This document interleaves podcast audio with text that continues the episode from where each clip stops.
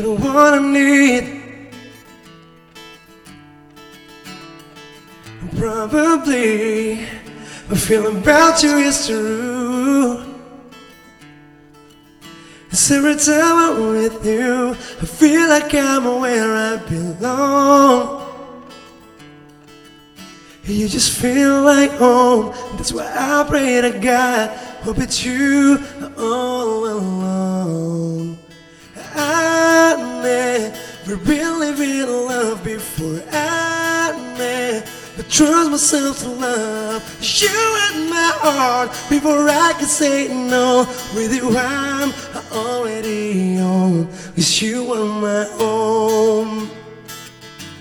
Cause you are my own. Cause you are my. Cause you are my home. Forever. That's what I want most. To get there, I bet I'll never get lost. Cause every time I'm with you, I feel like where I should belong. You just feel like home, that's why I pray to God, and it's you all along. Never been living in love before. I never trust myself to love you in my heart before I can say no. With you, I'm already home. I love, I love being with you, baby. I love myself when I'm with you. You in my heart before I can say no. With you, I'm already home. You are my home. You are my home. You are my home. You are my. Ah, You my home.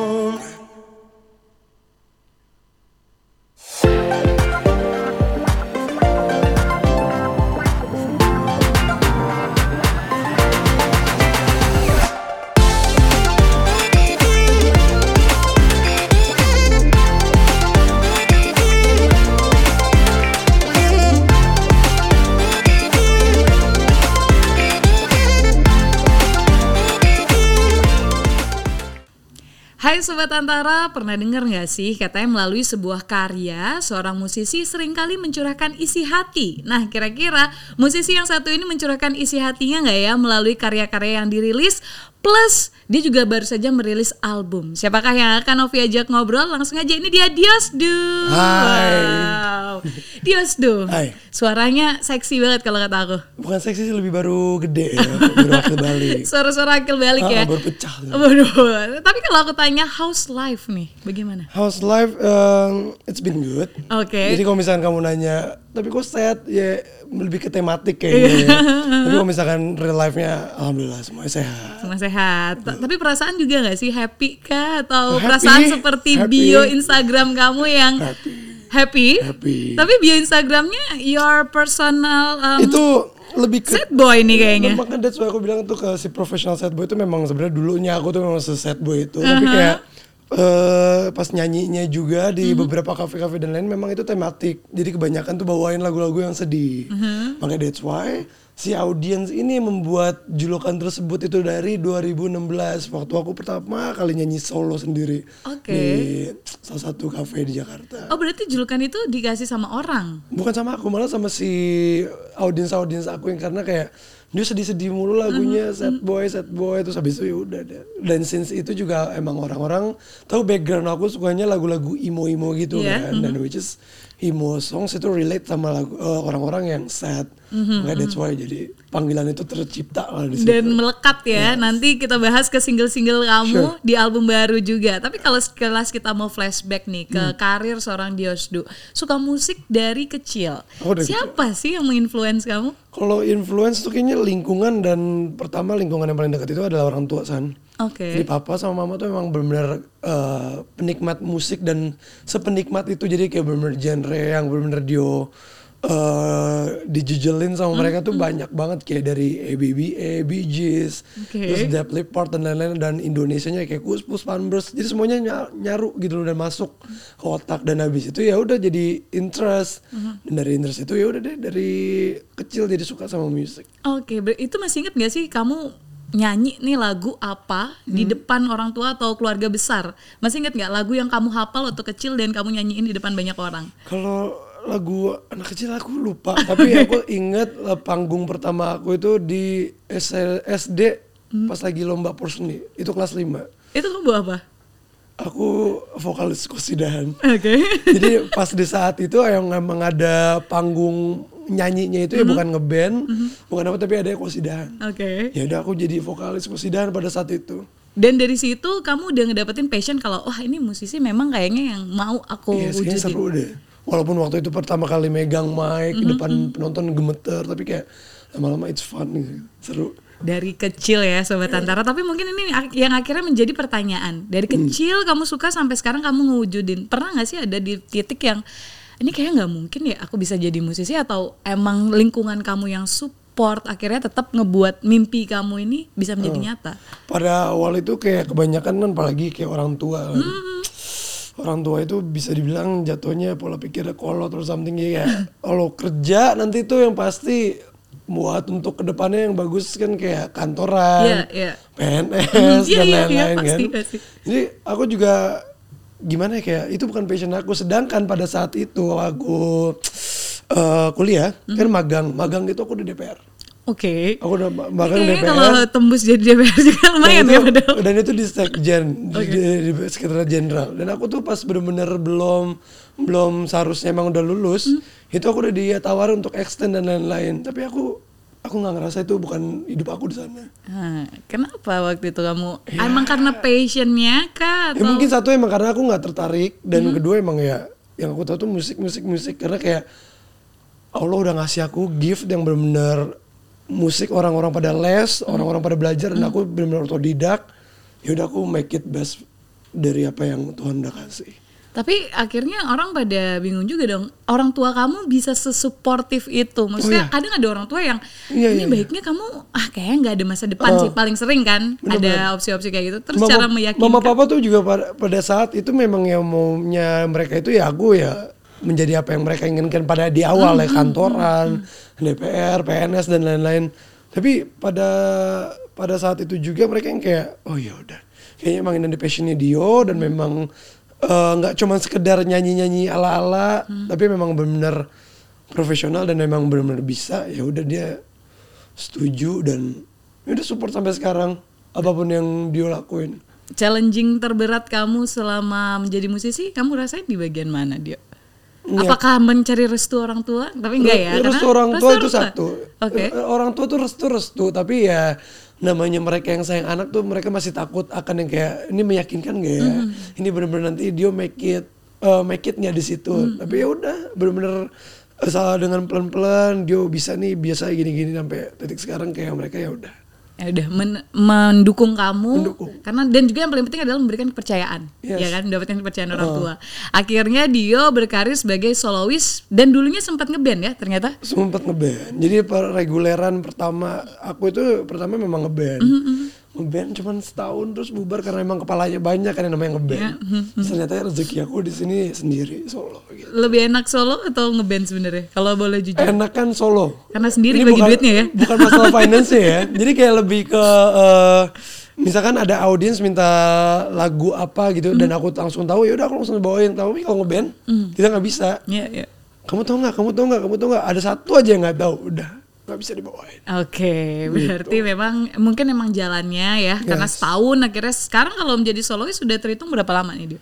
dari 2016 sampai sekarang udah tua lah. udah mau sebenarnya udah mau 6 7 tahunan ya. yes. Sebagai tujuh- solois. tujuh delapanan lah. mau 7 tahun delapan. mau ke 8 tahun. Hmm. Akhirnya meli- merilis 2019 rilis single Pertama, ya. pertama. Itu gimana perasaan seorang dia Wah, yang itu- biasanya nih dikenal bawain lagu Ah. orang kan? Itu pas pertama rilis, akunya juga yang kayak kepecahan ya. Kepecahan tuh dalam artian tuh kayak benar-benar kayak ngeposting, repost terus orang-orang yang benar-benar eh, posting lagu aku. Kayak seseneng itu karena kayak emang tujuan Dio pertama kali untuk eh, terjun ke dunia musik ya pasti making album kan. Jangan kan making album kemarin tuh pas pertama kali rilis single satu aja dan Wih itu seseneng itu. Tapi yang lebih bikin seneng lagi, bikin meriang. Wih itu kan orang nyanyiin lagu aku. Oke. Jadi Ber- kayak- Tahu liriknya. Tahu lirik even though eh, kayak ada yang eh, mumbling doang tapi mereka tahu itu udah it means a lot banget sih. Serius deh. Apalagi ngeresep banget ya kayak ini Iya. kisah cinta aku banget. Coba kamu bikin sesuatu terus sama orang di appreciate. Ih, seneng gak sih? Iya pasti. Dan kebayang kalau misalkan itu cuman tiga, empat orang, sepuluh orang di cafe itu. Mm-hmm, Kalau misalkan ribuan kayak nggak kebayang sih. Nanti dibayangin karena nanti bakal banyak ribuan orang bahkan mungkin jutaan yang akan nyanyikan Ah. si Galia Dio ya, ya. Nah Dias mungkin yang jadi penasaran adalah kamu memulai dengan sering mengcover lagu gitu ya kita. Maksudnya sebagai penyanyi biasa sering di kafe dan lain-lain bawa Hmm. Yes. lagu orang. Tapi untuk single kamu sendiri ini kamu memilih bahasa Indonesia dengan konsep yang mungkin agak sedikit galau ya. Kegalau kan agak galau gitu lirik lagu Jadi lagu aku yang pertama itu sebenarnya memang Indonesia. Mhm, Tapi akhirnya kayak untuk ke depannya lagi untuk aku bikin-bikin lagi kayak ah kayaknya susah karena lirik Indonesia tuh jujur buat aku tuh susah.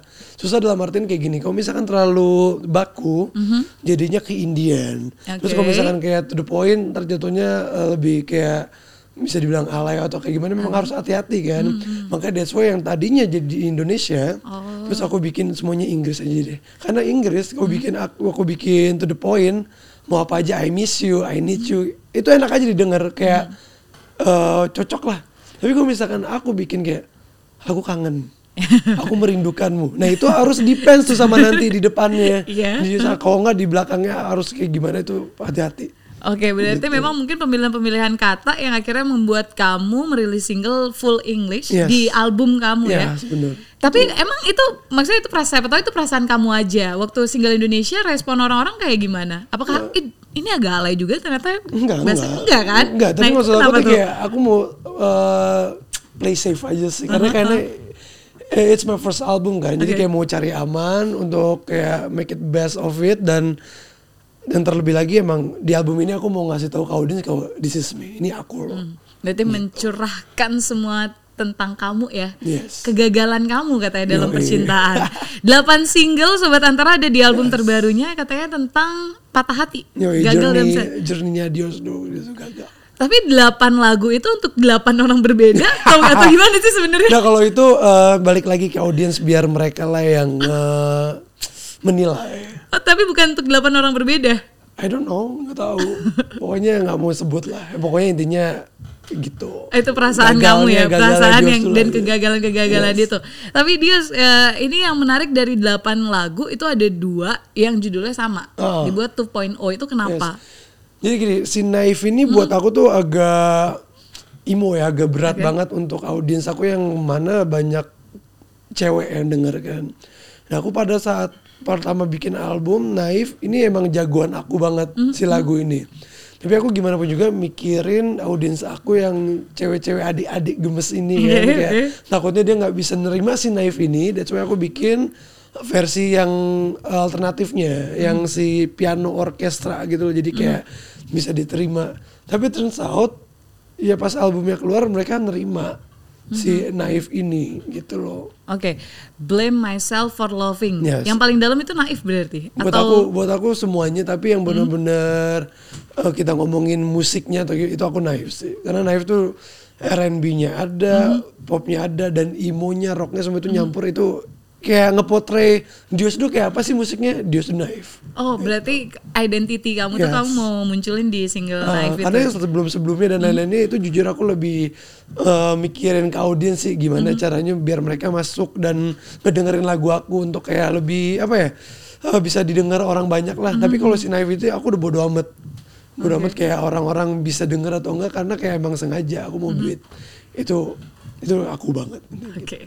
Dan itu memang deep banget Dios kalau aku dengar lagunya Oh, bahkan iya. sudah rilis musik videonya ya. Iya dong Luar biasa sekali gimana tuh cerita proses pembuatan musik video Naif karena nih Ah. aku bacain ke sobat Antara Hmm. membuat lirik Naif ini dia sampai menitikkan Wah. hujan gitu ya sampai Tapi sampai se- sedramatis Eh, itu loh. Sedalam itu jadi pas mantan yang melukai kamu ya. iya jadi pas bener-bener saat aku buat itu tuh eh kayak bener-bener abis sepulang pertengkaran kita Oke, oke.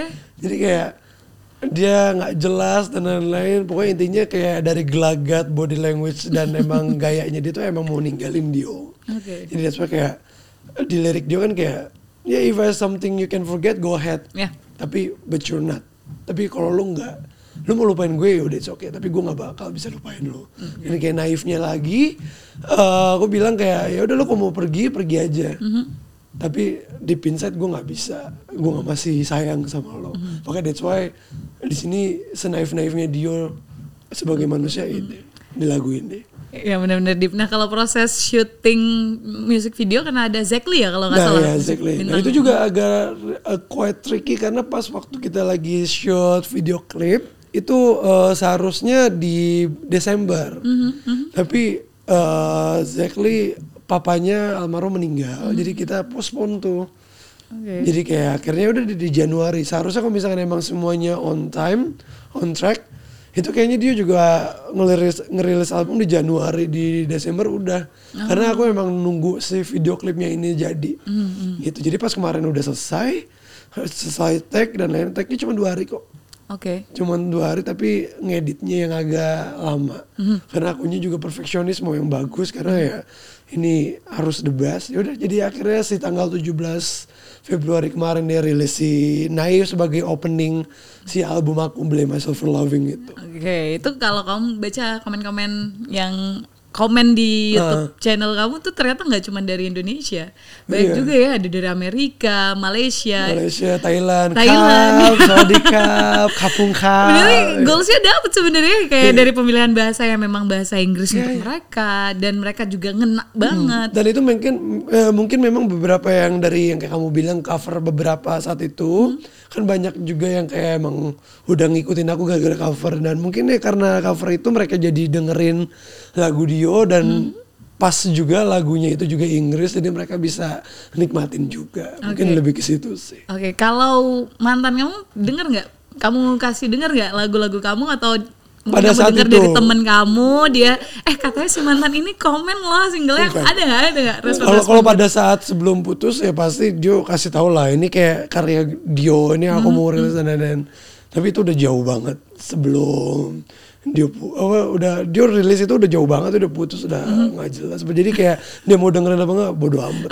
Tapi kalau- gitu bodo amat Tapi kalau pendapat-pendapat yang paling penting adalah mungkin yang paling jujur terhadap karya kamu adalah orang tua. orang tua Nah gimana tuh? orang tua sedih Anak banget aku galau banget ternyata ya nggak ada respon Ma- kayak gitu. mama mama sama papa sedih banget lagunya sedih kenapa Inggris nggak ngerti katanya eh gimana sih gitu. akhirnya dari situ aku bikin lirik aku aku aku print tuh jadi eh, di atas lirik aku di bawahnya tanda kurung artiannya terjemahannya Oh, untuk spesial untuk mama Iya. papa. Nah ini baru nih ngena ya baru ngena. Lebih ke baru ngerti sebenarnya ya. iya. Nggak apa-apa. Yang penting support kan, Yes. support. Tapi kalau teman-teman terdekat seperti apa ketika mendengar single kamu atau ini pasti buat si A ya gitu. Ada yang misalnya langsung No ya gitu itu loh. pasti Ada. itu oh, udah pasti oke. terus habis itu kayak respons mereka juga yang kayak wah ini bagus yo dan ini tapi mereka juga consider kayak si lagu Naif ini Mhm. memang agak keras kan dan mereka juga ini takut gak sih ntar ya audiens lu kan kebanyakan cewek-cewek dan kayak ini keras banget mereka denger nggak tapi turns out dari since 17 Februari kemarin sampai sekarang ya mereka masih denger Oke, oke. dan ber- berarti ya masuk lah untuk mereka semuanya ya bisa menikmati Yes. harapan Dios Ah. juga. Nah Dio, kalau misalnya dari 8 single nih, aku adalah pendengar baru Hmm. kamu. Kamu bakal rekomendasi apa selain Naif? selain Naif Yang wajib banget aku dengerin ketika aku lagi patah hati. Kamu lagi patah hati. Ada track eh, ketiga namanya My Wasted Heart. Mhm. Tanda kurung will always love you.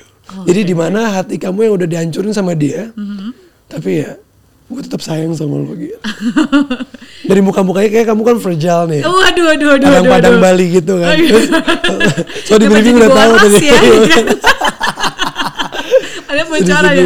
Oke, oke delapan single itu kalau tadi Naif ternyata ditulis langsung ketika momennya Iya. dapat nih. Sisanya itu gimana? Kamu berusaha mengingatkah eh, momen-momen patah hati kamu atau memang semua kejadian kamu tulis ketika mood Ja- kamu lagi kayak gitu? Aku jadi ke kalau kamu pernah dengar Tulus pada saat waktu kalau dia bikin lagu, dia kan bikin cerpen kan. Mhm. Nah kalau aku tulis semua kehidupan aku. Oh, oke. Ini gitu kayak tulis kehidupan terus habis itu kayak ya udah nih eh, rangkumannya kayak Hmm. gimana terus aku Berarti momen itu yang terjadi adalah kamu tulis semua dalam bentuk lirik, baru pemilihan musik lah, instrumen dan Oh lain-lain. malah Atau aku si musiknya dulu. Oh, Jadi musik terus sama nadanya mumbling bla bla bla bla.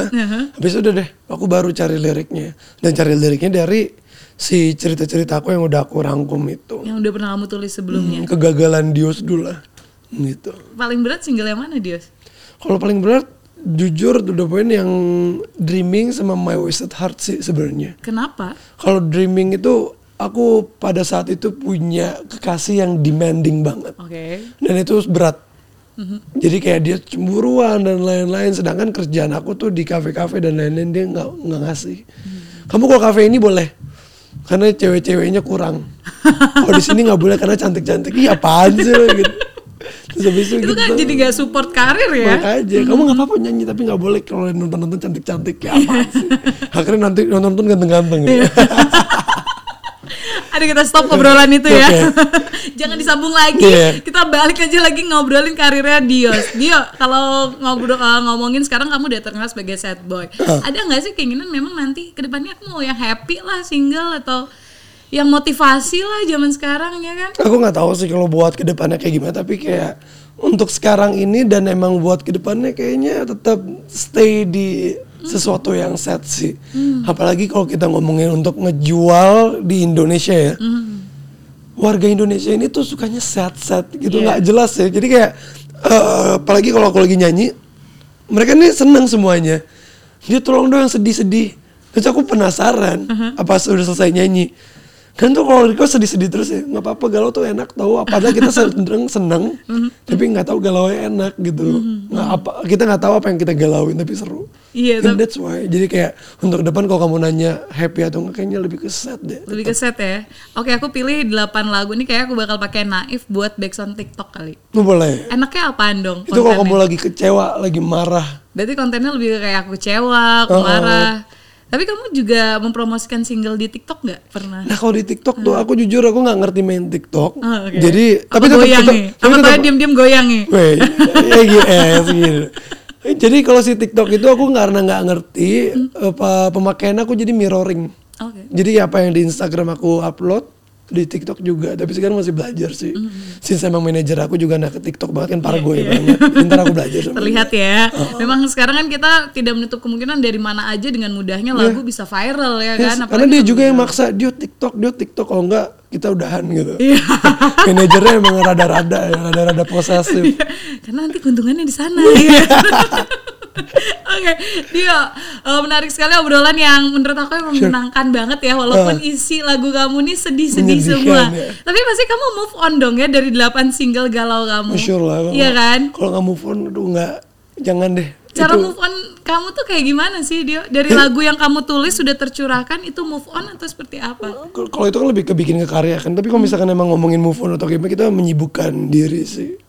Untungnya juga pas saat emang udah selesai, lagi hancur-hancurnya, ya eh, output yang dia dapat itu ya dia lebih kerja keras. Eh, Mau nyari tempat panggungan dan lain-lain. Tapi kan ada lagi orang yang benar-benar outputnya malah jadi nyiksa diri dia sendiri dan lain-lain. Makanya yang disyukurin pas saat dia sakit, outputnya yang dia dapat itu ya untuk bangkit ke atas gitu. Oke, itu tips dari Dio dan semoga sobat antara di luar sana kalau lagi galau Hmm. mau move on dengerin dulu lagunya Dio ya. belajar dari situ. Iya belajar dari situ ya, dari lirik-liriknya, Iya, ya kan? Pokoknya jangan mencintai yang berlebih. Iya. Pokoknya secukupnya aja. Berarti Dio sebenarnya sudah mencintai berlebih ya. Makanya jadi jadi gumoh ya.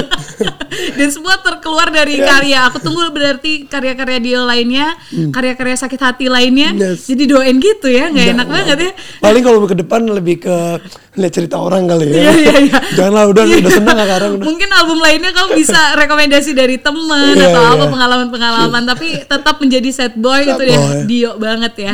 Boleh Dio sekalian diinfo ke sobat Antara kira-kira bisa didengerin di mana Blame Myself for Loving dan jangan lupa untuk support karya-karya Dio silakan. So, antara si antara kayak ibu-ibu gitu yang ngasih tahu. Oke, antara. Sobat antara kalau mau dengerin lagu-lagu Dios itu semua udah ada di platform apa pun mau di eh, YouTube, eh, iTunes, Spotify semuanya ada. Cuman klik Dios Du semuanya langsung ketemu. Oke, selamat bergalau bersama-sama Yes, ya. stay. Langsung stay sad Yeah. seperti hashtag spesial dari Dio. Nah kalau tadi kita udah denger single opening, sekarang ada single closing yang langsung akan dibawain oleh Dio. Wih, ya sure, let's go. Thank you banget udah main di antara ya Dio ya. Aku yang thank you. Sukses dan ditunggu karya-karya lainnya. Oke, dan sobat Antara jangan lupa untuk menyaksikan semua karya-karyanya Diosdu di platform yang tadi sudah disebutkan dan jangan lupa untuk komen di bawahnya ya. Ceritain pengalaman sakit hati kalian siapa tahu bisa menjadi konsep baru untuk Dio. dan yang penasaran seperti apa Naif bisa langsung disaksikan setelah yang satu ini. See you. Bye.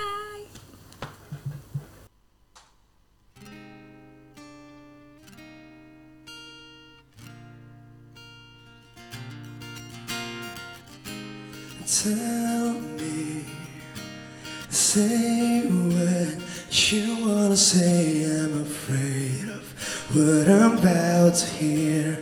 I need to know, cause I need to know. Give me the answer, and there's a sign, and there's a sign. Cause I need to know. I know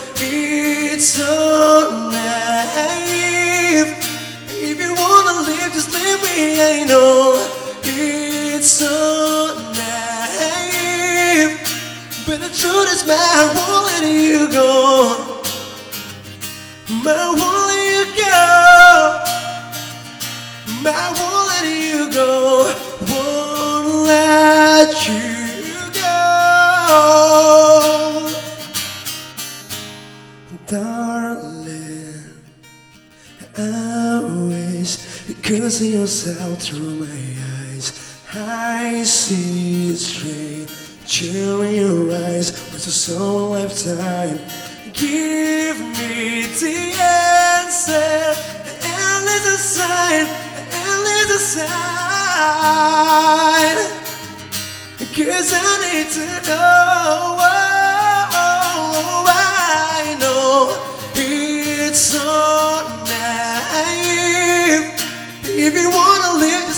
I know it's so naive. But the truth is, my won't let you go. I won't let you go. I won't let you go. Won't let you go.